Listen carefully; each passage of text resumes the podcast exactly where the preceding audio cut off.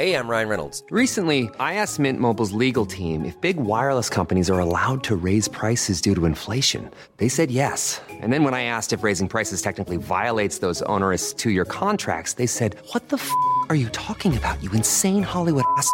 F- So to recap, we're cutting the price of Mint Unlimited from $30 a month to just $15 a month. Give it a try at mintmobile.com slash switch. $45 upfront for three months plus taxes and fees. Promo rate for new customers for limited time. Unlimited more than 40 gigabytes per month. Slows. Full terms at mintmobile.com.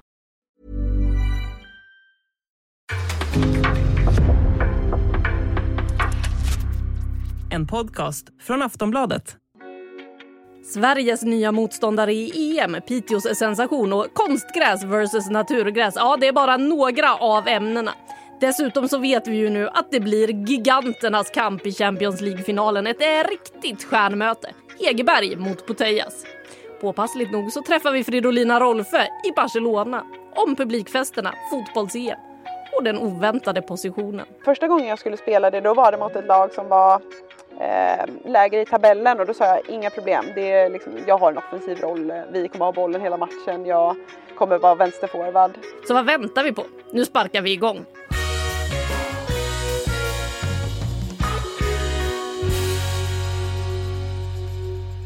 Varmt välkomna ska ni vara till ett nytt avsnitt av eh, Fem plus. Jag heter Anna Rydén och med mig här i studion har jag Makoto Asahara. Hur är läget? Det är bra tycker jag, kul att vara tillbaka i 5 plus-värmen här igen eh, och eh, gå igenom, det är ju mycket som har hänt. Ja, det är ju det som vanligt. Ja. Eh, Vi har späckade fotbollsveckor här eh, under våren och med oss från Skåne via Plays expert Saga Fredriksson. Eh, Saga, har du hunnit landa efter den här fotbollshelgen? Ja men knappt. Precis kommit hem till Malmö igen efter som du säger fullspäckad helg med massa roliga resultat och, och fotboll. Så att eh, knappt men jag är hemma. Det är härligt att höra och eh, vi ska alldeles strax till snabbfrågorna men innan vi drar igång så vill jag bara flagga för att det finns ju ett eh, specialavsnitt ute med målvakten eh, Stephanie Labé som har lagt handskarna på hyllan. Och eh, ja, har du inte sett det så in och eh, lyssna på det och om du som lyssnar har önskemål på andra spelare du skulle vilja höra framöver så tveka inte, hör av dig. Du kan eh, antingen hitta mig på sociala medier eller mejla på anna.rydén aftonbladet.se så ska vi se vad vi kan få till framöver. Men nu in på snabbfrågorna. Och eh, vi kan ju konstatera att Djurgården gör det igen, andra raka segern. Är det här en trend som kommer att hålla i sig Makoto? Eh, kanske inte att de t- liksom radar upp segrar på det här sättet, men en trend som håller dem kvar i damallsvenskan, ja.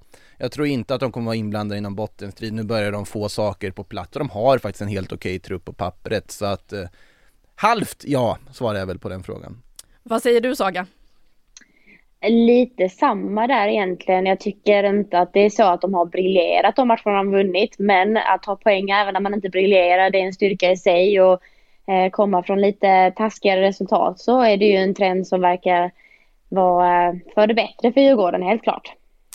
Trots det så är ju de fyra Stockholmslagen från plats 10 och neråt i tabellen. I helgen så väntar årets första Stockholmsderby. AIK-Djurgården, hur går det Saga? Ja du, den är lite knepig. Jag tycker nog att AIK började bättre, hade bättre prestationer men har på senare tid inte riktigt fått det att stämma. Så med tanke på hur Djurgården går med farten här nu så, eh, så tror jag faktiskt att de tar hem det nu till, till helgen. Vad säger du Makoto? Alltså jag är lite inne på samma spår att AIK började mycket bättre. Jag är förvånad att de har tappat på det här sättet de har gjort, för jag tyckte man såg ganska tydligt positivare tendenser spelmässigt från dem, att alltså annan typ av kombinationsspel, annan frejd, annan intensitet. Jag tyckte det såg väldigt, väldigt lovande ut i början och sen har det ju bara kollapsat lite att man inte fått resultaten med sig.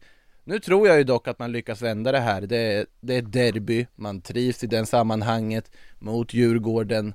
Så jag, mitt utgångstips blir ändå att AIK får ett trendbrott och tar tre poänger. Ja, vi får se vem av er då som får rätt eller om det helt enkelt blir oavgjort och eh, båda får fel. Antagligen blir det så. Ska man se på hur det har gått för våra tips hittills så ja, mycket möjligt att det blir så. På söndag alltså Stockholmsderby AIK Djurgården. Saga, vad överraskade dig mest i den eh, senaste omgången? Förutom Djurgården då kanske? Jag tänkte precis säga det. Eh, nej, men alltså, att jag tycker bara det är jättekonstigt att Kristianstad inte vinner. Eh, men om jag nu ska hålla mig från det svaret så, så är det väl egentligen att, att Umeå fortsätter vinna på hemmaplan och eh, övertyga där att eh, de har svårt på bortaplan men verkar hur stabila som helst hemma. Så det, det är någonting där uppe i Umeå. Vad överraskade dig Makoto? Alltså egentligen hela omgångens målskörd.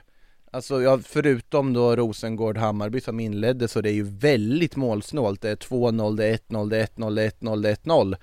Ehm, det tyder man kan ju både se det som att inget lag riktigt har fått offensiven att klaffa till fullo.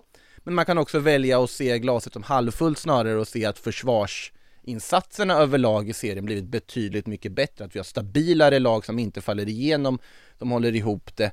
Och eh, det, över, alltså det överraskar mig att det är så få mål som vi ändå fick se den här omgången, att det inte är någon match som egentligen springer iväg på något sätt. Det, det är mitt tråkiga svar på frågan ändå, att det är nog det som är mest överraskande. För det är inga resultat i sig som jag tycker är, sticker ut på så vis. Vad tänker du om det Saga? Är det så att eh, försvaren börjar hitta rätt nu? Ja, det tror jag är verkligen eh, huvudet på spiken, säger man så? Huvudet på spiken? Spiken, gudars. Eh, nej men alltså någonstans att, att lagen har börjat läsa varandra, man har gjort sin läxa. Nu har man också sett alla lagen ett par gånger in i omgångarna här så att tränarna gör ju ett jättejobb där för att, att uh, sätta försvarsspelet. Sen tycker jag också inte, det, det är ju roligast såklart för oss som tittar när det blir mycket mål. Men i slutändan så är det inte det här en, jag tycker inte det här är en liga där det ska rinna iväg. Jag tycker det är bättre när vi får 1-0 resultat där det är tajtare matcher för det tyder någonstans på att det är två skickliga lag som, som, eh, som tampas där ute. Så att någonstans så tycker jag nu att det börjar hamna in tillbaka till det som det ska vara. Början var mer, det var mer en chock för mig att det var så mycket mål. Mm. Jag håller helt med på det här att Alltså om man backar bandet några år så var det ju vissa matcher man kände på förhand, men det här vet vi kommer sluta med en seger med 3-4 bollar. De matcherna går att räkna på en hand nu för tiden. Det är i princip Rosengård, knappt att Häcken kan räknas in i det heller. Som man, som man inför en match kan veta, men de kommer vinna den här matchen. I övrigt är det ju helt öppet i princip varenda match. nykomlingarna som kommer upp håller ner resultaten och tar poäng som man inte väntar sig att de ska ta och det finns en helt annan jämnhet i serien nu tycker jag som är väldigt, väldigt roligt och väldigt utvecklande för serien i helhet tycker jag. Mm, men det ska vi lämna damallsvenskan för en stund. Vi kommer komma tillbaka till eh, serien eh, lite senare i podden, men vi ska befinna oss internationellt en stund och eh, avslutningen på snabbfrågorna är då först eh, Anna Anvegård som gjorde comeback i Everton när laget spelade 2-2 mot ligafemman Tottenham i helgen. Vad betyder det för Peter Gerhardsson, Makoto? Ja, det betyder ju att han får ett till forwardsalternativ som också är en verkligen renodlad anfallare, en målskytt, en komplett anfallare. Som man bara hoppas ska bli kvitt de här skadeproblemen nu och kunna få spela kontinuerligt under en längre period och, och, ja, och bli aktuell för landslaget igen och vara en, för att innan hon fick de här skadeproblemen då var hon ju en spelare som knackade på dörren till att starta i landslaget. Nu har ju sen Stina Blackstenius tagit enorma kliv efter det här såklart och cementerat den här platsen centralt. Men att ha ett komplement där som du vet kan leverera mål, som du vet kan göra det mesta i en central offensiv roll, det tror jag betyder väldigt mycket. Ja, det har varit hjärnskakningsproblematik för Anna Anvegård. Hur lång tid tar det innan man kommer in i matchtempot och sådär igen, Saga? Det tar ju en hel del tid och speciellt när hjärnskakning har man kanske inte riktigt kunnat påfresta kroppen på något sätt utan eh, är det andra typer av skador kan man alltid hitta genvägar för att pulsen ska få, få arbeta. Men med hjärnskakning så behöver man vara lite mer vaksam och, och det är ju nog lite problematiken. Och om vi ska vara riktigt ärliga, hur många matcher har de kvar? En, tror jag det är, om jag inte har räknat helt fel, eh, i ligan. Så, att, så någonstans inför sommaren här nu så, så hoppas jag att hon får andra typer av sätt att, eh, att verkligen få in det här matchtempot som krävs för att göra en, eh, ett EM. Ja, vi får se hur det blir för Anna Anvegård eh, framöver, men vi är givetvis glada att hon är tillbaka i eh, spel igen och har kunnat matcha för sitt Everton och äntligen så har vi fått ett besked. Ryssland får inte vara med i sommarens EM, det har det ju pratats om länge, men man har inte sagt eh, ett definitivt beslut eh, och vilka som ska ersätta förrän igår. Då kom beskedet att det blir Portugal istället. Hur reagerar du på det Saga? Eh, nej, men jag tycker väl bara det känns eh, otroligt vettigt och eh, framförallt eh, Portugal vet vi ju historiken, Algarve där 4-0 och någonstans så är det väl ett motstånd som vi ska kunna hantera på ett rätt så behagligt sätt så att det är bara positivt för vår del. Och nu får de två månader på sig att eh, ladda för ett EM, Makoto. Jag tycker, ja som sagt det är ju rätt beslut men jag tycker att det är, eh, alltså det är smått skandalöst att det sker så sent. Att jag vet inte hur mycket Portugal har fått veta innan att det kan ske, var redo. Men om det här kommer från tomma intet, att de plötsligt, ja men nu ska ni spela EM i sommar. Att då ger dem så lite förberedelser att fundera över saker och ting, jag tycker det är faktiskt, de kunde tagit det här beslutet så otroligt mycket tidigare. Med tanke på hur snabbt det gick egentligen att ändra VM-kvalet på, på liksom här sidan. Så ja, det dröj, dröjer allt för länge, vi har suttit här och funderat såklart, det fanns olika saker med biljetter och allt möjligt som diskuterades, men jag tycker att det här borde de ha löst mycket tidigare. Eh, Portugal, om de tar någon poäng i det här gruppspelet så är det en bragd tycker jag sett till hur, hur kort in på de faktiskt får besked att de ska spela det här mästerskapet. Mm, om två månader eh, så är det alltså dags för avspark i England och vi vet nu alltså att Portugal får vara med. Det avslutar snabbfrågorna. Vi ska in på rubrikerna och den första rubriken lyder Giganternas kamp. Vi har Barcelona mot Lyon att se fram emot. Efter att eh, Barcelona ju faktiskt körde över Wolfsburg på Camp Nou för en vecka sedan så visade tyskarna faktiskt vad de går för här i eh, returen. Bröt Barcelonas 45 matcher långa svit. Eh, vad säger du om eh, returmatchen? Om vi börjar där Saga, den vi fick se Wolfsburg mot Barcelona. Jag, jag, jag satt och tittade på den matchen och bara tänker varför spelade inte Wolfsburg så här i första mötet? Alltså jag tycker man slänger bort första matchen. Eh, om det är nerver eller vad det är, men det är liksom lite bjudningar, öppna ytor som från mittbackarna i Wolfsburg som där Barcelona, vi vet hur effektiva de är. Så när man då får se dem prestera i andra mötet, ja då kan jag inte hjälpa att bli lite småirriterad att inte matcherna var tajtare. Eh, sen å andra sidan så Barcelona, Barcelona och gör det de är bra på. Men jag tycker i Champions League så vill jag ha tajtare matcher även där. Och eh, de här storlagen visar det från början. Eh, jag tror jag satt i podden för något, någon vecka sedan och sa att hur kan Wolfsburg utmana? Använd fysiken som de har och de här snabba omställningarna. Ja, vad gör de nu i returmötet? Exakt det. Jag säger, säger inte att jag har svar på allt, men åtminstone liksom gör det ni är riktigt bra på och då bär det med sig resultat. Så det, det är klart att man blir lite frustrerad att det inte var två identiska möten på något sätt, att det var tajtare. Ja, vi ska få höra Fridolina Rolfö om en liten stund eh, om just första mötet då mot Wolfsburg. För vi ska säga det att eh, intervjun med Rolfö är inspelad innan returmötet. Vi träffade henne i förra veckan nere i Barcelona.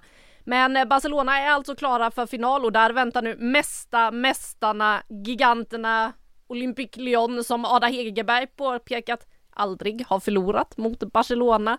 De slog ut PSG efter mål av just Hegerberg och eh, Wendy Renard. Vad säger du om det Makoto? Olympique Lyon slår ut PSG, klara för final. Har aldrig förlorat mot Barcelona. Det var inte länge PSG fick behålla den där tronen i Frankrike kan man väl säga att det räckte med att Ada Hegerberg kommer tillbaka att ja, Lyon får det att stämma igen och sen så konstaterar man att ja, de är bäst i Frankrike igen, återigen och eh, alltså nu, jag är ju lite skadad av intrycken från PSG Barcelona i fjol som var en av de absolut bästa matcher jag sett på damsidan någonsin. Eh, den kvarts, alltså semifinalen, det smällde, det var sån intensitet, tempo, kraft, alltså det var så här, det otroligt bra fotboll. Eh, så man hade ju velat se en repris på det här såklart med allt som hör till, men sett till statusen på klubbar så är ju det här en drömfinal. För då Barcelona som är utan tvekan det bästa laget i världen just nu som ja, bara ska egentligen springa hem den här turneringen sett till hur överlägsna de varit såväl i liga såväl i Champions League. Eh, mot ett Lyon som historiskt sett om man tittar på 2000-talet utan tvekan är det bästa laget i världen. Eh, som vill också visa att vi fortfarande är det bästa laget i världen. Det här kommer bli en helt fantastisk final. Det blir en otrolig utmaning för Barcelona att verkligen göra det de har gjort hela tiden, för det är inte jag helt övertygad att de kommer lyckas med. De har ju också en revansch att utkräva mot just Lyon, så att är det en drömfinal på så vis. Och Hegerberg gillar ju det här, elda på lite till hos L'Equipe eh, genom att eh, påminna om att det spelades faktiskt damfotboll före Barcelonas tid också och eh, då gjordes det i Lyon. Visst är det härligt med lite hets inför finalen Saga? Jag bara älskar det. Alltså det är så klockrent och det är, jag tycker också Hegerberg, hon har en sån härlig aura att hon, alltså hon säger vad hon tycker, hon står för vad hon tycker eh, och hon visar det ute på planen. Alltså hon ursäktar sig inte och, och det tycker jag är, det höjer dels värdet på matchen på något sätt men också att man vet precis som Makoto är inne på att den här, det här mötet det är ett mästarmöte och ingen av dem är redo att backa från den fighten. Så lite hets innan, det skadar ju aldrig, tycker jag.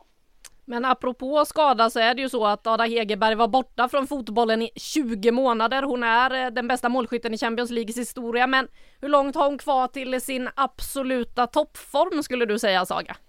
Är det liksom Oj. det gamla hederliga Ada vi ser redan nu eller kan hon växla upp ännu mer? Jag tror det finns ytterligare en växel. Eh, men kvaliteten hon visar i avslutslägena och chanserna hon kommer till. Alltså hon är, eh, jag tycker hon är en av de, de bästa anfallarna i, i världen. Alltså med den kraften hon har. Eh, förståelsen för spelet och sin positionering. Jag tycker, alltså med tanke på hur bra hon är nu, att tänka att hon har ytterligare en växel. Det gör ju liksom att det, det lite kittlar i en om man bara längtar tills hon tar ytterligare kliv. Men eh, hon håller ju redan så pass hög nivå så att, men ja, jag tror att hon har en växel till. Det tror jag absolut. Det är det vi pratar om, det här få in fler matcher i kroppen och känna liksom att man, att det går på rutin men trots att man kan liksom, ja men vässa beroende på vem man möter. Så nej men eh, det finns nog, det finns nog lite mer i henne men eh, redan riktigt, riktigt bra. Och eh, hon eh, vann ju Ballon d'Or innan skadan. Efter det Alexia Putellas vunnit. Det blir liksom också en stjärnornas kamp i det här Putellas mot Hegerberg. Vad tror du om den Makoto? Jag tror att det är såklart två helt olika spelartyper men i Putellas fall så är ju hon på något sätt navet i ett kollektiv som är ja, utan tvekan det bästa i världen här just nu. Den bredden som Barcelona har på sin trupp, den liksom självklara spelfilosofin Ja, jag är lite inne på det här, vi pratade ju om Wolfsburg-matchen här tidigare, men att jag tror att 5-1 i första, absolut, Wolfsburg kunde ha haft en annan plan, men jag tror att det var Barcelona som också inte tillät dem att ha en annan plan och det var en inställningsfråga i andra matchen, de har 5-1, de vet att det här kommer lösa sig och då Wolfsburg helt taggade utnyttjar det och tar, tar den här segern. Men eh, i Lyons fall, ja absolut, om man tittar på varenda position, det är ju världsklasspelare överallt. Men jag tror att det är väl ännu viktigare att Ada Hegerberg ja, kommer till lägen och hittar lägen. Som sagt, hon har ju det här med att sätta bollen i nätet. Det ligger ju i hennes DNA på något sätt. Det kommer aldrig försvinna. Det har hon redan visat när hon börjar ösa in mål direkt från skadan. Men eh, hon måste ju hitta den här extra växeln om Lyon ska kunna ta sig förbi Barcelona för de måste utnyttja varenda liten möjlighet de får mot ett sånt här lag. Och jag ser ju Barcelona som ganska tydlig favorit inför. Eh, med det sagt Lyon har aldrig förlorat en Champions League-final och det där med tradition, det väger enormt tungt i en final med allting som står på spel, med alla nerver så att eh, även om favoritskapet i Barcelona hade man inte varit förvånad om det är Ada Hegerberg och Lyon som skrattar i slutändan. Saga, kan det rent av vara så att eh, det var bra för Barcelona att åka på käftsmällen mot Wolfsburg in på, inför det här så att man kommer lite extra revanschsugna till en final? en väldigt bra poäng måste jag säga. Det är någonstans det här att, att ha en ödmjukhet trots att man är ett skickligt lag. Eh, man får aldrig komma ifrån att det är ändå prestationen som ska tala och det gör ju Barcelona. Det är ju i deras DNA om man nu vänder på det. Så att jag tror att det var, det var nog viktigt för dem att få en liten väckarklocka. Just det, eh, vi ska lägga in samma kraft och energi för att få de här resultaten vi har fått. Och eh, som, som vi varit inne här på redan, alltså Lyon är inget dussinlag som, eh, som de kommer, jag tror inte de springer hem det. Makoto du var inne på så här, jag tror de ska springa hem det. Jag, jag tror ju inte att det blir så, utan jag tror någonstans att, att det här blir en fight rakt igenom. Och det, jag hoppas bara att de lägger, alltså jag ska inte säga lägger nerven åt sidan, men åtminstone, alltså använd dem på rätt sätt. Se till att inte, alltså eh, vad säger man, eh, hämmar din prestation utan båda lagen älskar stunden för då får vi se ett världsklassmöte som, som faktiskt blir värdigt på något sätt. Men det ligger ju lite i just att alltså, när Lyon var som bäst då var det inget lag som kunde stoppa dem överhuvudtaget. De, de, de sprang ju verkligen hem titlarna på, på rad. Barcelona har gjort det i ett år. Det här blir ju på något sätt tröskeln på, kan de bygga en dynasti eller ser vi bara en liksom kortare tidsperiod när vi blickar tillbaka på när Barcelona var världens bästa lag? Om de skulle få den här revanschen mot Lyon, köra över dem kort och gott, då har de ju på något sätt statuerat att ja, men nu är det en ny storhetstid som är på gång. Det är vi som är de att jaga på sikt också. Eh, så att det är en väldigt viktig match för Barcelonas legacy på något sätt, den här matchen, att visa att jo då, vi har passerat Lyon, vi är inte det här laget som kördes över fullkomligt i den där finalen för x antal år sedan. Så att äh, det blir otroligt spännande match på så vis också. Ja, och sett hur det går för herrarna så är det ju positivt för Barcelona när det blåser eh, positiva vindar kring damerna. Något annat positivt bara som vi ska ta med oss från de här semifinalerna är ju också det vi har pratat om vecka ut och vecka in här i podden, nämligen publiksiffrorna. 43 000 på Parc des Princes för att se PSG Lyon, 22 057 på plats i Wolfsburg, nytt rekord för dem och eh, ja, de här siffrorna det är bara en av alla saker vi ska prata med eh, Fridolina Rolfö om, en intervju alltså inspelad då före möte, returmötet med Wolfsburg men direkt efter andra gången hon fick kliva ut inför 90 000 så ja men hörni, vi tar oss till Barcelona. Hej, jag Ryan Reynolds. På Mint Mobile, we like to do the opposite of what Big Wireless does. They charge you a lot, we charge you a little. So naturally, when they announced they'd be raising their prices due to inflation, we decided to deflate our prices due to not hating you. That's right. We're cutting the price of Mint Unlimited from $30 a month to just $15 a month. Give it a try at mintmobile.com slash switch. $45 upfront for three months plus taxes and fees. Promo rate for new customers for limited time. Unlimited more than 40 gigabytes per month. Slows. Full terms at mintmobile.com. Ja, vi sitter, det är mulet i Barcelona men på en parkbänk vid en strand med Fridolina Rolfö. Hur är läget? Jo men det är fantastiskt bra. Hur är fotbollslivet i Spanien? Det är också väldigt bra. Jag njuter väldigt mycket av mitt fotbollsliv just nu. Vi eh, får spela inför fullsatta arenor, vi vinner många matcher och ja, trivs väldigt bra med fotbollslivet. Ja, vi kan stanna lite vid det där med fullsatta arenor, för det har vi pratat om en del i podden här, det som ni har fått uppleva på Camp Nou. Jag själv var på plats i fredags eh, och fick se 91 000. Alltså, era fans står i timmar innan bussen kommer och väntar på att ni ska komma till arenan. Hur är det att rulla in till Camp Nou och se det folkhavet utanför? Ja, det är ju en jätte, jättestor glädje. Man sitter ju där i bussen och bara bankar på rutan och gläds med att alla människor har kommit dit och är där för att se oss. Och det, det ger otroligt mycket energi och, och glädje och, och få se att de eh, njuter så mycket av att vara där så att eh, det är bara ren glädje. Hur går snacket i bussen liksom när ni ser att det är så mycket folk där som är redo för att se er? ja, men första gången när det var slutsålt så var det ju kanske mer som en chock att okej, okay, det kommer vara mycket folk på arenan men att alla människor ska vara här innan matchen och välkomna oss när vi kommer till arenan så lång tid innan. Det var ju verkligen en överraskningsmoment och bengaler tändes och så det var det var en överraskningsmoment och otroligt häftigt. Eh, men sen andra gången så var vi ju mer förberedda på det och då blev det eh, bara jättekul att det, det sker igen det här. Det är ingen engångsföreteelse utan det här, det här händer och det här är början på någonting stort. Du hade blivit besviken om de inte hade stått här gång två? ja men nej, det hade man inte blivit utan bara upplevelsen att få vara på Camp Nou och se alla människor är en mäktig känsla. Så att, eh, men man, man var mer förberedd på situationen. Går det liksom att beskriva hur det är att komma ut? För redan på uppvärmningen då så har de ju hunnit in på arenan och jublar när ni gör entré.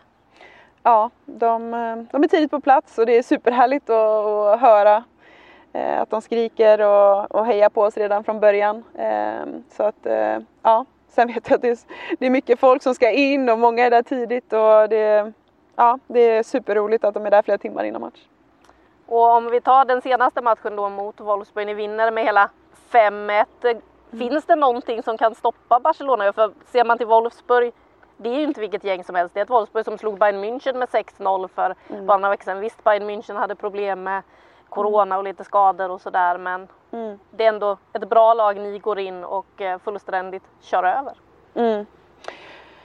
Ja, alltså och på förhand var vi ju, vi pratade otroligt mycket om Wolfsburg eh, inför matchen och eh, tränade helt annorlunda den veckan ska jag vara ärlig och säga. Så att det var ändå respekt för motståndaren och vi visste i vilken bra fas de, eh, de var i eller är i.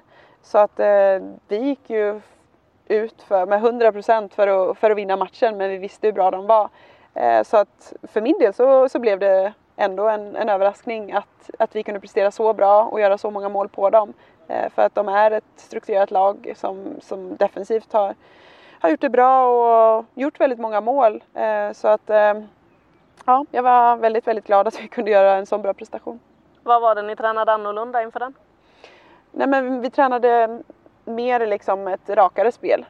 I Spanien så går det mer i sidled än vad det gör i Tyskland. Så att vi tränade mer på eh, rakare spel helt enkelt i olika övningar. Det är många som har fått upp ögonen för er. Det är många som har fått upp ögonen det senaste året också för din lagkamrat Alexia Putellas. Eh, vad säger du om henne? Hur är det att spela med en av världens bästa fotbollsspelare? Men det är såklart otroligt häftigt. Hon, eh, hon är en, en, spelare som är väldigt viktig för vårt lag. Eh, både som som fotbollsspelare men även som, som lagkapten. Eh, så att hon bidrar väldigt mycket till vårt lag och är ju stommen i vårt lag. Eh, så att eh, nej, jag är jätteglad att jag får dela eh, samma plan som henne och eh, ja, hon är en sån spelare som, som kliver fram när vi behöver henne och sådana spelare växer inte på träd så att eh, det, det är häftigt att, att få spela med henne folk som eh, kanske bara tittar på matchrapporter och sådär eh, efter mm. matcher hos er reagerar ibland på Fridolina Rolfö, vänsterback. Vad är det som händer mm. i Barcelona egentligen?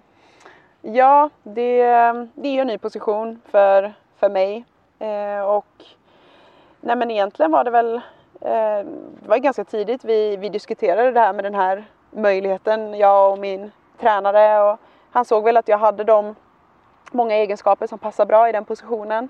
Eh, jag är löpstark och jag har en bra vänsterfot och eh, gillar en mot en både offensivt och defensivt så att det kunde passa mig bra. Eh, Eh, och nej, så vi testade det och så funkade det väldigt bra och efter det så har vi väl han valt att behålla mig där.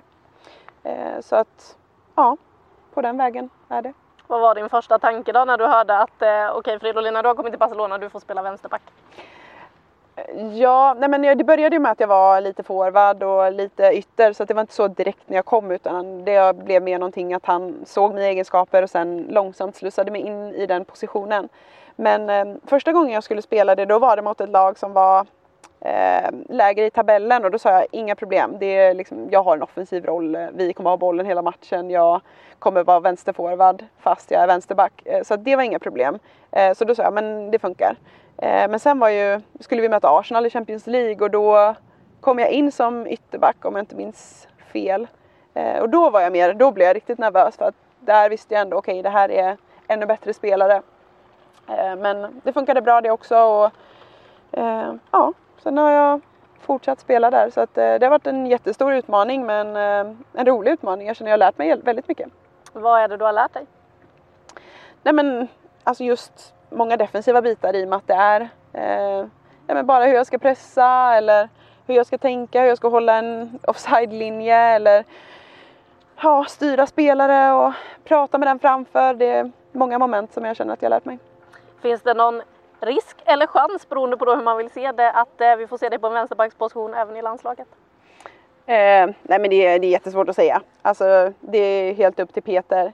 Eh, jag är en spelare, jag vill spela och jag vill kunna hjälpa laget. Sen om det är i en vänsterbacksposition eller en mittfältsroll, det eh, spelar inte så stor roll så länge jag kan bidra med det jag är duktig på och kan hjälpa laget. Men eh, det blir lite annorlunda, vi spelar lite annorlunda i Sverige och jag vet inte om den positionen har passat mig lika bra i Sverige som den gör i Barcelona för där blir jag mer som en vänsterforward än en vänsterback. Så att det är, det är lite olika roller men eh, ja, det är upp till Peter. Och om vi blickar mot eh, landslaget då i sommar väntar ett EM, det är den, sommarens stora fest. Eh, vad mm. tänker du när du tänker på fotbolls-EM England sommaren 2022? Ja, jag tror och hoppas att det kan bli det, det häftigaste Eh, mästerskapet som vi har upplevt. Ehm, det känns som att det är, är bra i England. Det är ett land som andas fotboll. Eh, och som vi ser, Wembley sålde ut direkt. Det är ett jättebra tecken på att det har placerats på ett bra ställe. Så det ska vi vara jätteglada för. Eh, så att nej, det ska bli otroligt kul och jag bara blir glad när jag tänker på mästerskapet och ser jättemycket fram emot det. Vi pratade lite med Hanna Glas om att eh, ni får ju lite av en måste-match direkt med de tuffaste mm. konkurrenterna i gruppen i form av regerande Europamästarna Nederländerna i första matchen. Mm. Och vinner ni gruppen, ja men då slipper ni kanske Frankrike, annars så är risken stor att det blir Frankrike direkt i en kvartsfinal. Liksom. Mm. Hur viktig blir den där matchen? Hur är det att få den först? Det blev ju lite samma mm. i OS. Ja, men jag såg det som en fördel för då kommer du in i turneringen direkt. Du, du vet vad det är som krävs för du möter det bästa motståndet. Så att, eh, det upplägget tycker jag är superbra, att eh, komma in i turneringen direkt. Eh, så att eh, nej, det kommer bli otroligt tufft som du säger. Jag har inte sett hur trädet kommer se ut men jag vet att ehm, vi vill vinna gruppen såklart för det är alltid fördelaktigt så att eh, vi, vi hoppas kunna vinna mot Holland och de andra lagen i gruppen också. Hur ska det bli att få ännu en mästerskapssommar tillsammans med det här landslaget då? För det känns som att ni trivs väldigt bra ihop. Ja, gud ja.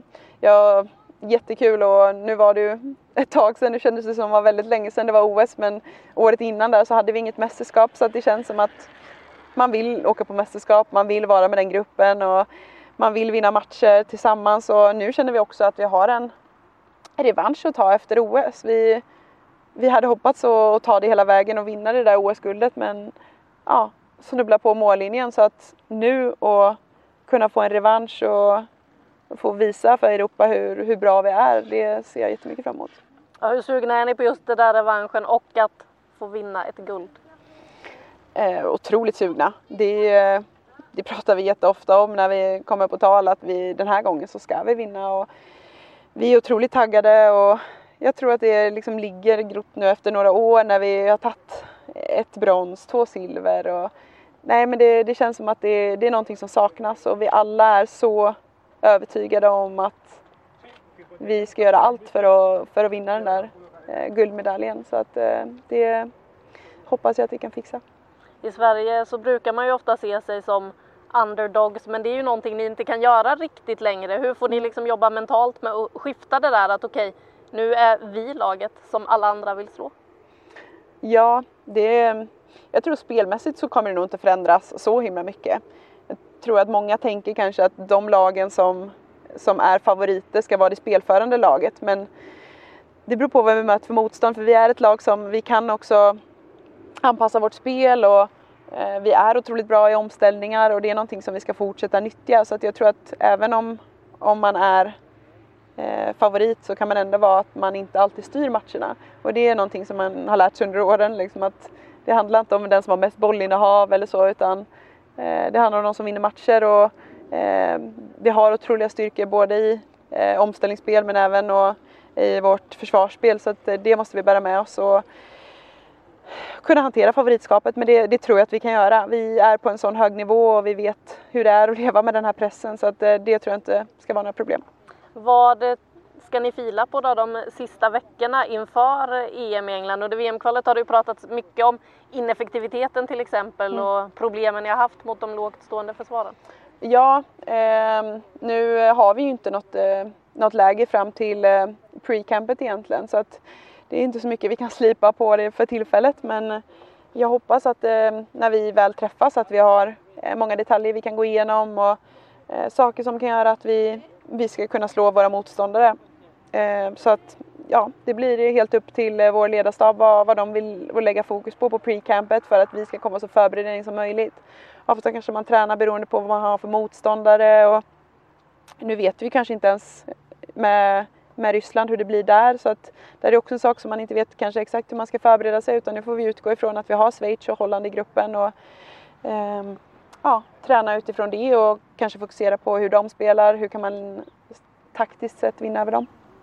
Du säger det, det är pre-camp först, eh, en vecka i Båstad, sen får ni några dagar ledigt där innan det bär av till England. Men sen kan det ju bli nästan fyra veckor tillsammans med det här gänget. Tröttnar man aldrig på varandra? Nej, gud nej, det gör man faktiskt inte det, men jag tror att vi har turen att det är så mycket bra människor i den gruppen och man har, nu har vi haft det blir också en annan sak när man bor ensam, man kan få ett sitt space och sen äter man ihop och man beblandas. Det är inte liksom samma personer hela tiden utan du beblandas med hela gruppen. Vi är ändå många spelare så att du, du pratar med olika personer och hänger med dem men eh, nej, det är en, eh, det är en grupp som är svår att tröttna på. Och det är också en grupp med mycket mästerskapsrutin. Hur viktigt mm. tror du det blir när ni kliver in i ett mästerskap som i sommar? Väldigt viktigt. Det är ju någonting man får bära med sig. Man vet hur det är i var de situationerna. Man vet hur man som spelare hanterar eh, olika situationer och man vet också hur, eh, hur sina lagkamrater reagerar och hur man fungerar under, under press eller under mästerskap, hur man vill förbereda sig, man lär känna varandra hela tiden och det tror jag är jätteviktigt att man kan respektera varandra och att förbereda sig på olika sätt. Är det någon som har annorlunda förberedelser som du har reagerat på och undrat eh, vad håller du på med nu?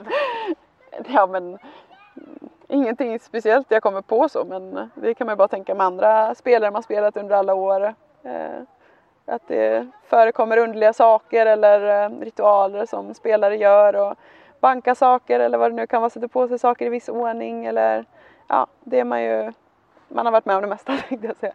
Har du något själv som du känner att det här måste jag göra innan match? Mm, nej. Nej, jag har lite så svårt för att bli vad ska man säga, låst vid vissa saker. För sker det någonting och så kan jag inte göra det då blir det jobbigt. Utan jag har liksom mina ritualer, det är liksom så här med brunnar och sånt och det är okej okay liksom. För de ser jag framför mig men när det är på fotbollsplan och sånt, nej då klarar jag inte av att ha sånt utan eh, jag har faktiskt inget där. Nu eh, så är det ju så att ligan är ju redan avgjord. Ni har Cup, eh, Champions League och sådär kvar men vad blir viktigt för dig veckorna fram mot EM? Eh, nej men att förbereda mig på bästa sätt. Jag, jag vet att vi kommer spela in i slutet på maj, eh, Cup i, här i Spanien så att eh, jag, får, jag har två och en halv vecka eh, innan pre-campet börjar och det handlar bara om att förbereda mig på bästa sätt. Min kropp ska må jättebra och jag ska känna mig i min livsform. Eh, så att eh, det handlar mest om det fysiska och psykiska, att vara så förberedd jag kan vara och att jag mår så bra som möjligt. Jag ska känna mig fräsch, jag ska känna mig fit, jag ska känna mig snabb, jag ska känna mig stark. Det är min plan. Det låter som en väldigt härlig plan.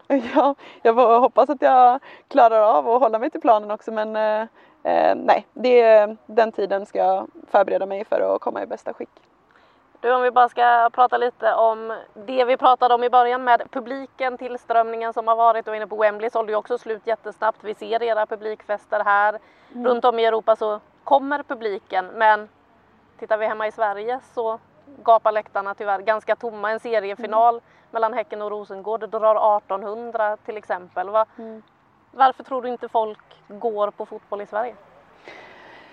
Det är en jättebra fråga. Jag, jag, tror att man hade gjort något åt det om man vetat vad, vad anledningen är. Eh, men jag tror också att det handlar jättemycket om eh, med marknadsföring. Det har vi pratat om tidigare. Det handlar om att, att visa upp fotbollen från sin bästa sida.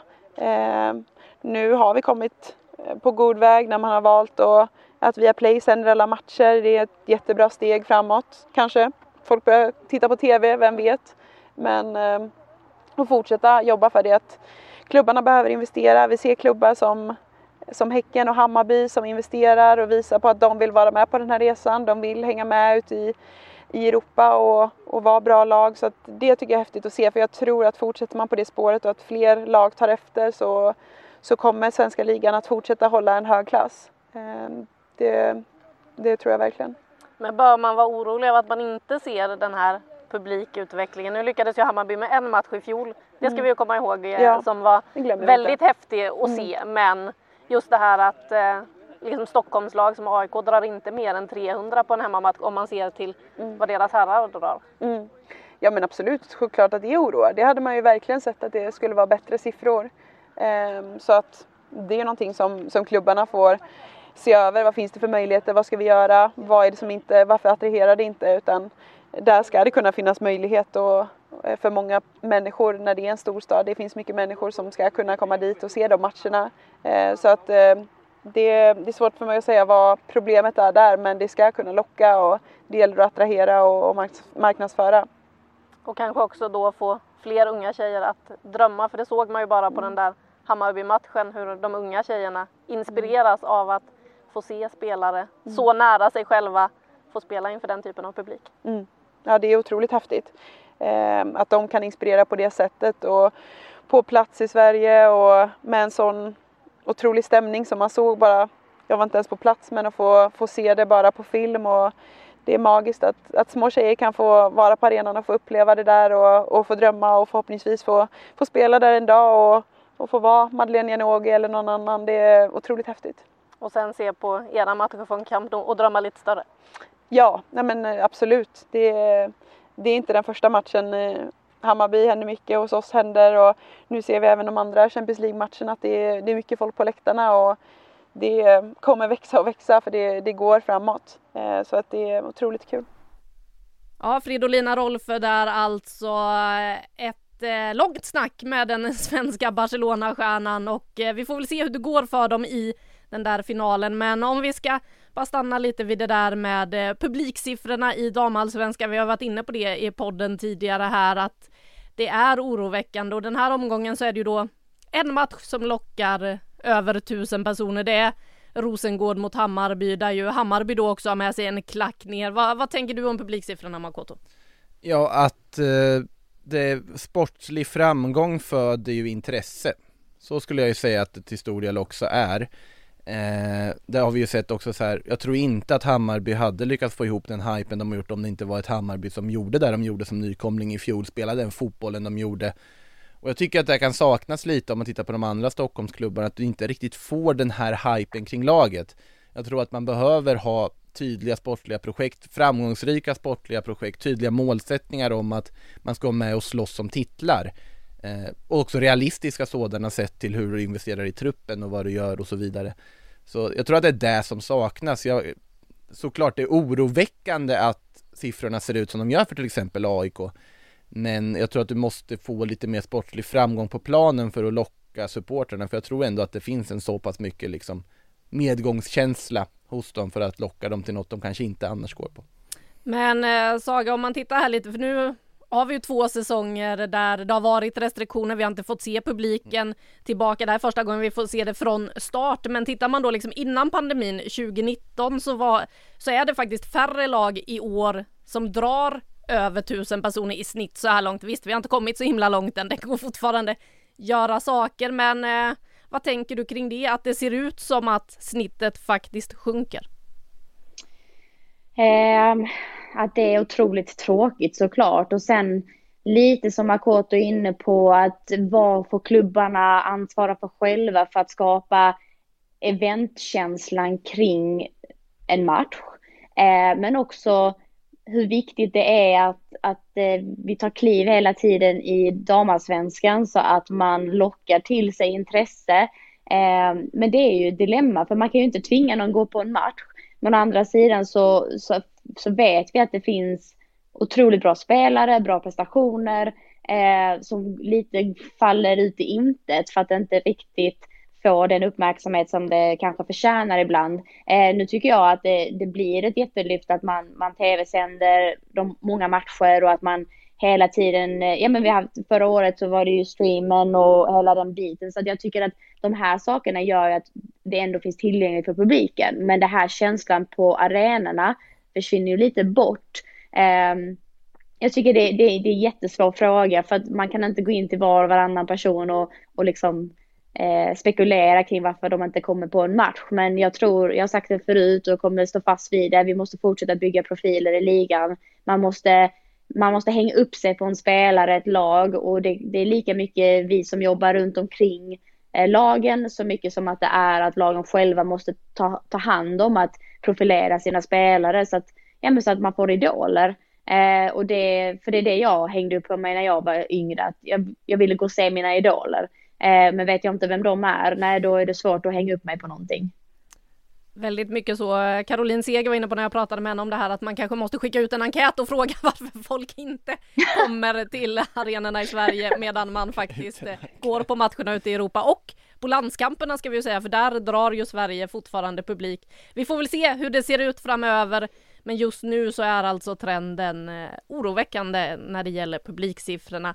Med det så ska vi gå tillbaka till rubrikerna. Vi har två kvar och eh, då ska vi in i damallsvenskan igen. Piteås sensation är nästa. Piteå vann med 1-0 borta mot BP, eller ja, det borde vara 2-0 va Makoto? Ja, alltså de, eh, de ser ju väldigt, väldigt bra ut. Eh, det kan man ju lugnt konstatera, någonting som verkligen de har fått, eh, alltså, alltså börjat funka för dem är ju den här liksom pressspelet de har, att det, det sitter ju verkligen, de skapar chanser, de är väldigt bra på att skapa ett tryck mot motståndarna som gör att de också kommer iväg med att få, få mål och dessutom med stabilt försvar bakåt. Känns också som att de har trivts ganska bra med att vi unisont har tippat dem relativt lågt i tabellen utan att nämna namn. Eh, så att eh, Nej, man är jätteöverraskad och det är jättekul att vi ser ett Piteå som eh, levererar på det här sättet. Jag tycker att de tillför någonting till den här serien.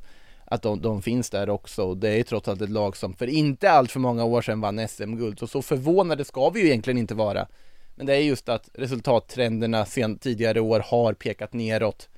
Eh, nu verkar de ha hittat någonting rätt på alla sätt och vis där uppe. Men eh, Katarina Guillou var ganska förvånad över att eh, det inte blev ett mål till Saga, för den där bollen var ju inne. Jag tycker det är direkt svagt eh, av, av domartrion och med all respekt för deras jobb, för det, det, jag hade inte velat ha domarjobbet själv om vi säger så.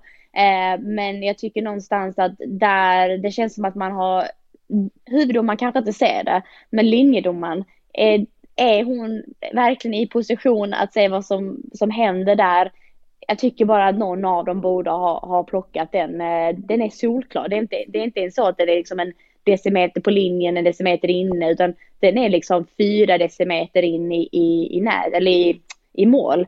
Eh, jag tycker inte den ens är alltså, ifrågasätta. Så att, vad som händer där kan jag inte svara för. Det har varit intressant att höra vad domarna själv sa om situationen och, och hur de uppfattar den. För att det, alla som tittar verkar ju bara vara i total chock.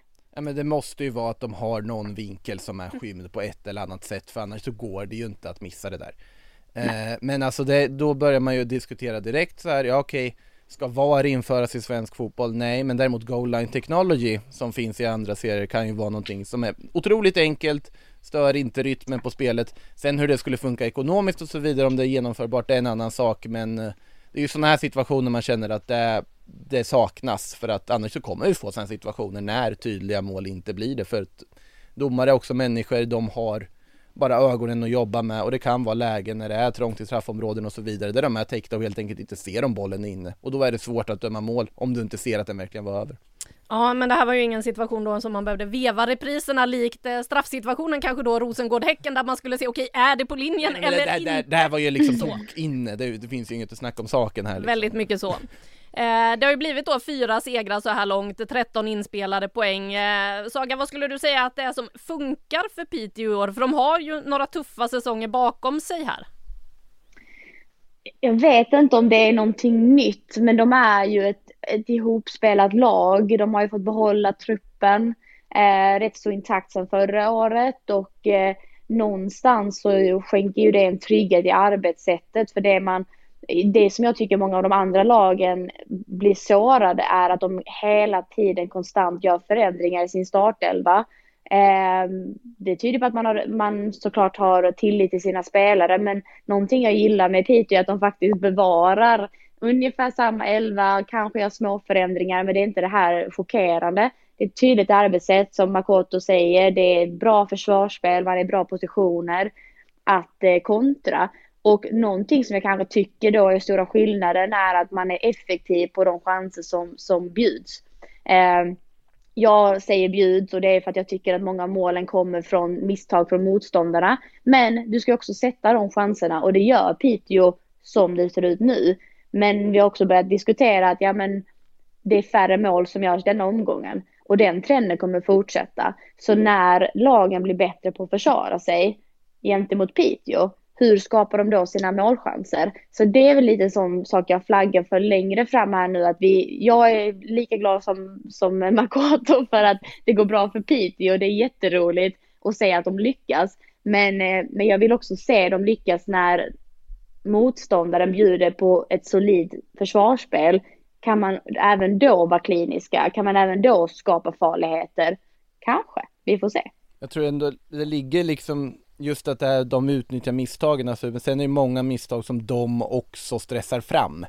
Att liksom en mm. del av deras offensiv ligger ju i att stressa fram misstag, att även om det ser ut som att ett försvar är de som gör felet så kan det ju mycket ha, ha att göra med liksom, du sätter pressen på rätt sätt, du sätter spelarna på rätt ställen och tvingar fram misstagen. Sen såklart, du behöver mer än att bara kunna tvinga fram misstag för att kunna göra mål. För det ligger mycket i att, ja, om de möter ett lag som inte stressas upp av ett sånt läge och möter svårare motståndare, ja, hur hanterar de det då? Men det kan ju bara framtiden utvisa. Men hittills så är det ju otroligt imponerande att bara rada upp segrarna som de har gjort. Ja, det får man säga att eh, de har gjort så här långt och det blir spännande att följa dem framöver. Eh, Piteå alltså 13 inspelade poäng så här långt. Eh, dagens sista rubrik, konstgräs versus naturgräs. För det blev ju mållöst på naturgräset i Vittsjö och Häckenspelarna var inte nöjda efter matchen. Saga, du var ju på plats i Vittsjö. Hur mycket påverkade underlaget? Tyckte det var direkt avgörande. Eh, det är inte ett Häcken som vi är vana att se dem. De hade otroliga problem att ställa om. Eh, tycker vi ser det för alla topplagen som har ett snabbt eh, tempo i sitt, eh, i sitt, sina passnings, eh, i sitt passningsspel. Att de eh, får problem på naturgräs som inte är välvårdat. Eller det är välvårdat, det är kanske fel att säga, men ett, ett gräs som inte håller hög standard. för det man tränar på varje vecka att sätta eh, tryckta passningar på foten, att eh, ja, men, rörelsemönstret som, som utgår från att man ska kunna hitta varandra på fötter. Eh, det kan du inte omsätta till sen när du ska spela på, på naturgräs som inte är eh, likt ett, eh, ett konstgräs.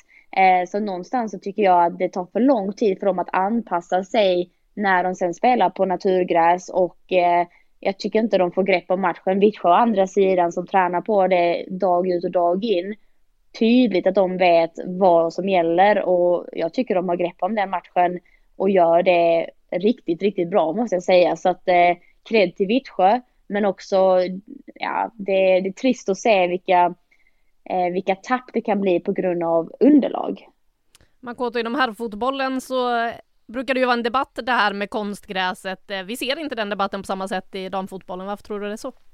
Alltså nu, nu är ju på något sätt fel person som är inne här eftersom att jag ändå är pro konstgräs överlag och, och ser värdet i att du har Jag tycker inte naturgräsplanerna i landet är tillräckligt bra året och jag tycker det är viktigare att du ser till att ha träningsmöjligheter, att du kan utveckla fotbollsspelare som har teknik, kan få slå en passning på ett jämnt underlag och på så sätt att det inte bara blir att tjonga långt för att gräset är för dåligt jag tror att om vi tittar på de naturgräsmattor vi har i damallsvenskan Stockholms stadion ska vi inte prata om, det är en diskussionsfråga varje år om vad är det för fel på den mattan, den måste ju läggas om från grunden. Vittsjö, där finns en charm med att det är deras egen plan och de är vana vid, men det ska vara svårt att åka till Vittsjö och ta poäng, men som sagt, mattan är uppenbarligen inte tillräckligt bra i det här stadiet på året. Så att jag tror att den diskussionen finns ju inte på att, alltså det finns ju inga bra naturgräsmattor att tala om i den här serien.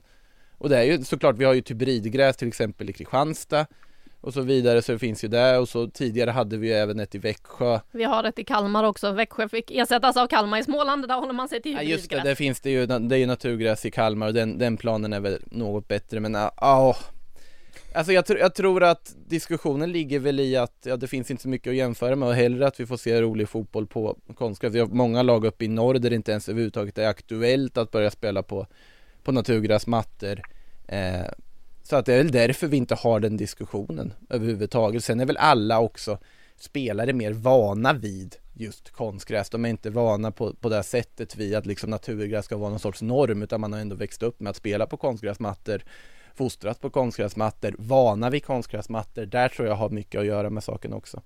Vad säger du om det Saga och borde det inte gå att få till bättre naturgräsplaner i alla fall i södra delarna av landet?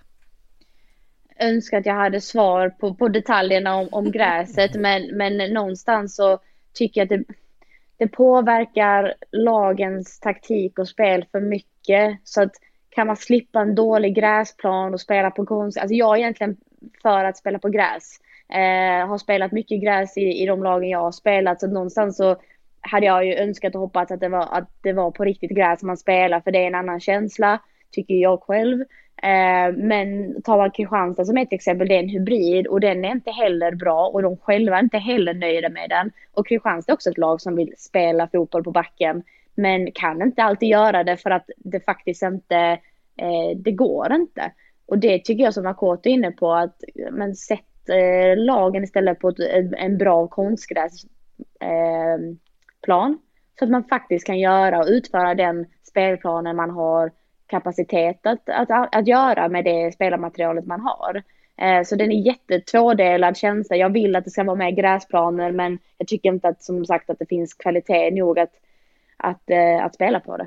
Men det är bara att titta på hur landslaget utvecklats. Alltså om man tittar på det landslag vi hade runt millennieskiftet och sånt. Det var inte i närheten samma spelskickliga, liksom offensivt frejdiga landslag som vi ser idag. Jag tror faktiskt, utan att ha något belägg för det, men mycket har det att göra med att vi har spelare som har växt upp på att träna på, ja nu konstgräsunderlag året runt, de får bollträning året runt, de får bra planer att kunna spela på liksom och finslipa på allt från passningsspel till teknik året runt utan att behöva tänka på att bollen kommer studsa fel konstant och det tror jag ger jättemycket i längden.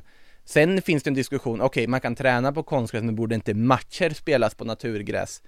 Ja fast samtidigt, nu har du en serie där du måste bygga upp ett underhållningsvärde också där, där det är viktigt att promota, få publiken till arenan som vi pratat om och då tror jag inte att rätt väg att gå är att börja spela på typ Friends Arenas gräsmatta som vi liksom, om man ska ta ett exempel, som inte tillåter särskilt publikfriande fotboll, då tror jag snarare att det Ja såklart, drömscenariot är att vi har superfina gräsmattor på varenda arena, på, alltså naturgräsmattor och vi kan spela där, men vi är inte där, vi bor uppe i Sverige och man kan fråga sig varför vi gör det, men ja, konstgräs är nog det vi får använda.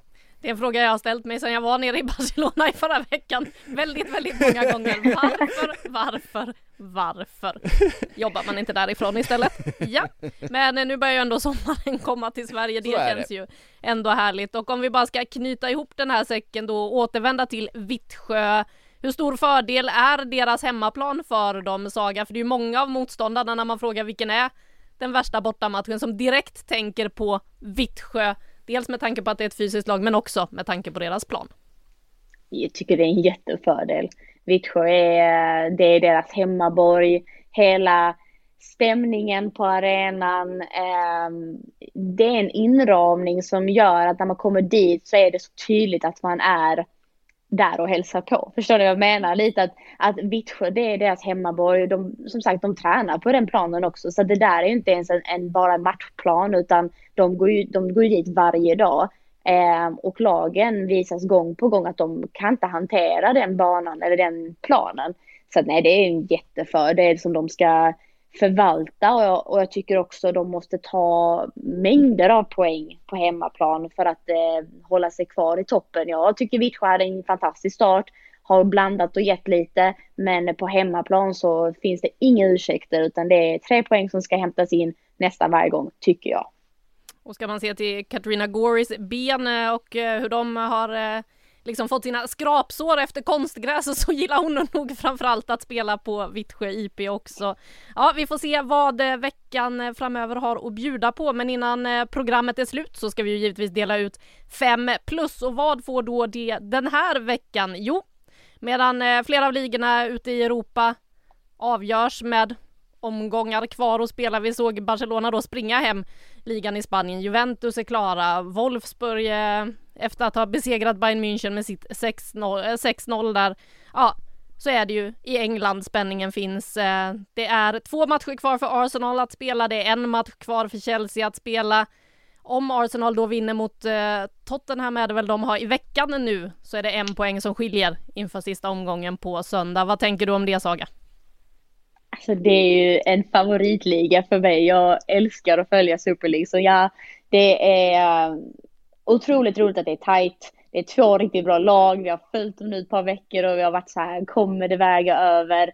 Eh, Chelsea har sett löjligt bra ut så det är svårt att tro att, de, att det inte kommer landa där ändå. Men, men eh, man älskar ju när det är tajta strider. Man vill ju inte att det ska vara färdigt liksom veckor i förhand som med Barcelona. Det, det tycker jag inte. Så att eh, all cred till engelska ligan som lyckas bevara spänningen.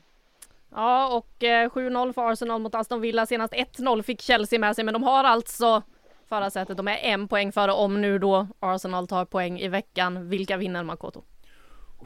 Håller Chelsea i det här? Håller nerverna? Jag tror väl de gör det. De har ju varit vana vid den här situationen på i alla fall inhemskt plan och för dem att nå de de liksom höjder de vill göra. Det har ju varit tydligt senaste åren, de är en bit ifrån den absoluta toppen europeiskt sett. Det är de engelska topplagen fortfarande. Men på inhemsk plan så gäller det för Chelsea med de ambitioner de har att de ska inte tappa den där Super League-titeln i alla fall och framförallt inte till lokalrivalen Arsenal. Jag tror inte att de, sett till utgångsläget de har införskaffat sig, tror jag inte de gör det heller. 13.00 på söndag så avgörs det i Women's Super League. En sak att se fram emot eh, den här veckan. Vad ser du fram emot i övrigt Saga? Eh, en ny omgång av damallsvenskan såklart. Eh, jag tycker matchen mellan Häcken och Linköping blir jätterolig att se. Jag tycker det är ett toppmöte som man inte får missa.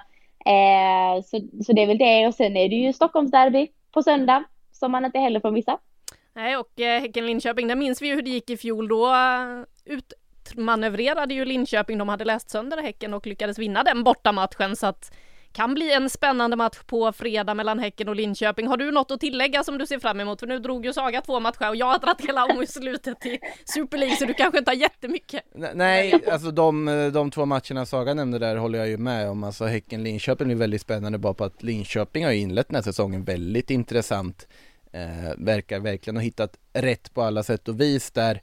Även den där plumpen mot Kristianstad då som man kan ifrågasätta lite men jag tror absolut att de har goda möjligheter att plocka med sig poäng från en match mot Häcken även den här säsongen. Och såklart derbyt där vi får väl se vem av oss som har rätt eh, i den fronten. Jag, på något sätt, man vill ju ha kvar Stockholmslagen i serien. Jag känner i alla fall det. Jag tror att det behövs för att de ska få en liksom satsning på sikt. Jag tror att AIK är i mer behov av de här tre poängen och trendbrottet än vad Djurgården är sett i liksom status på lagen just nu.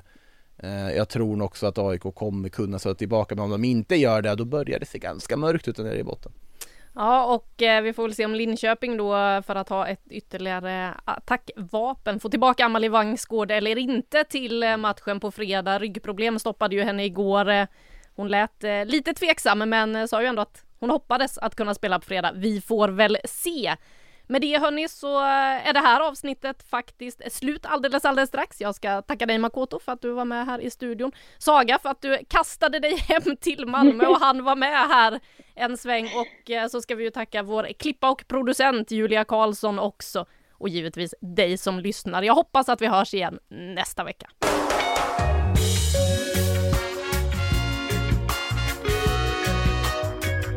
Du har lyssnat på en podcast från Aftonbladet. Ansvarig utgivare är Lena K Samuelsson.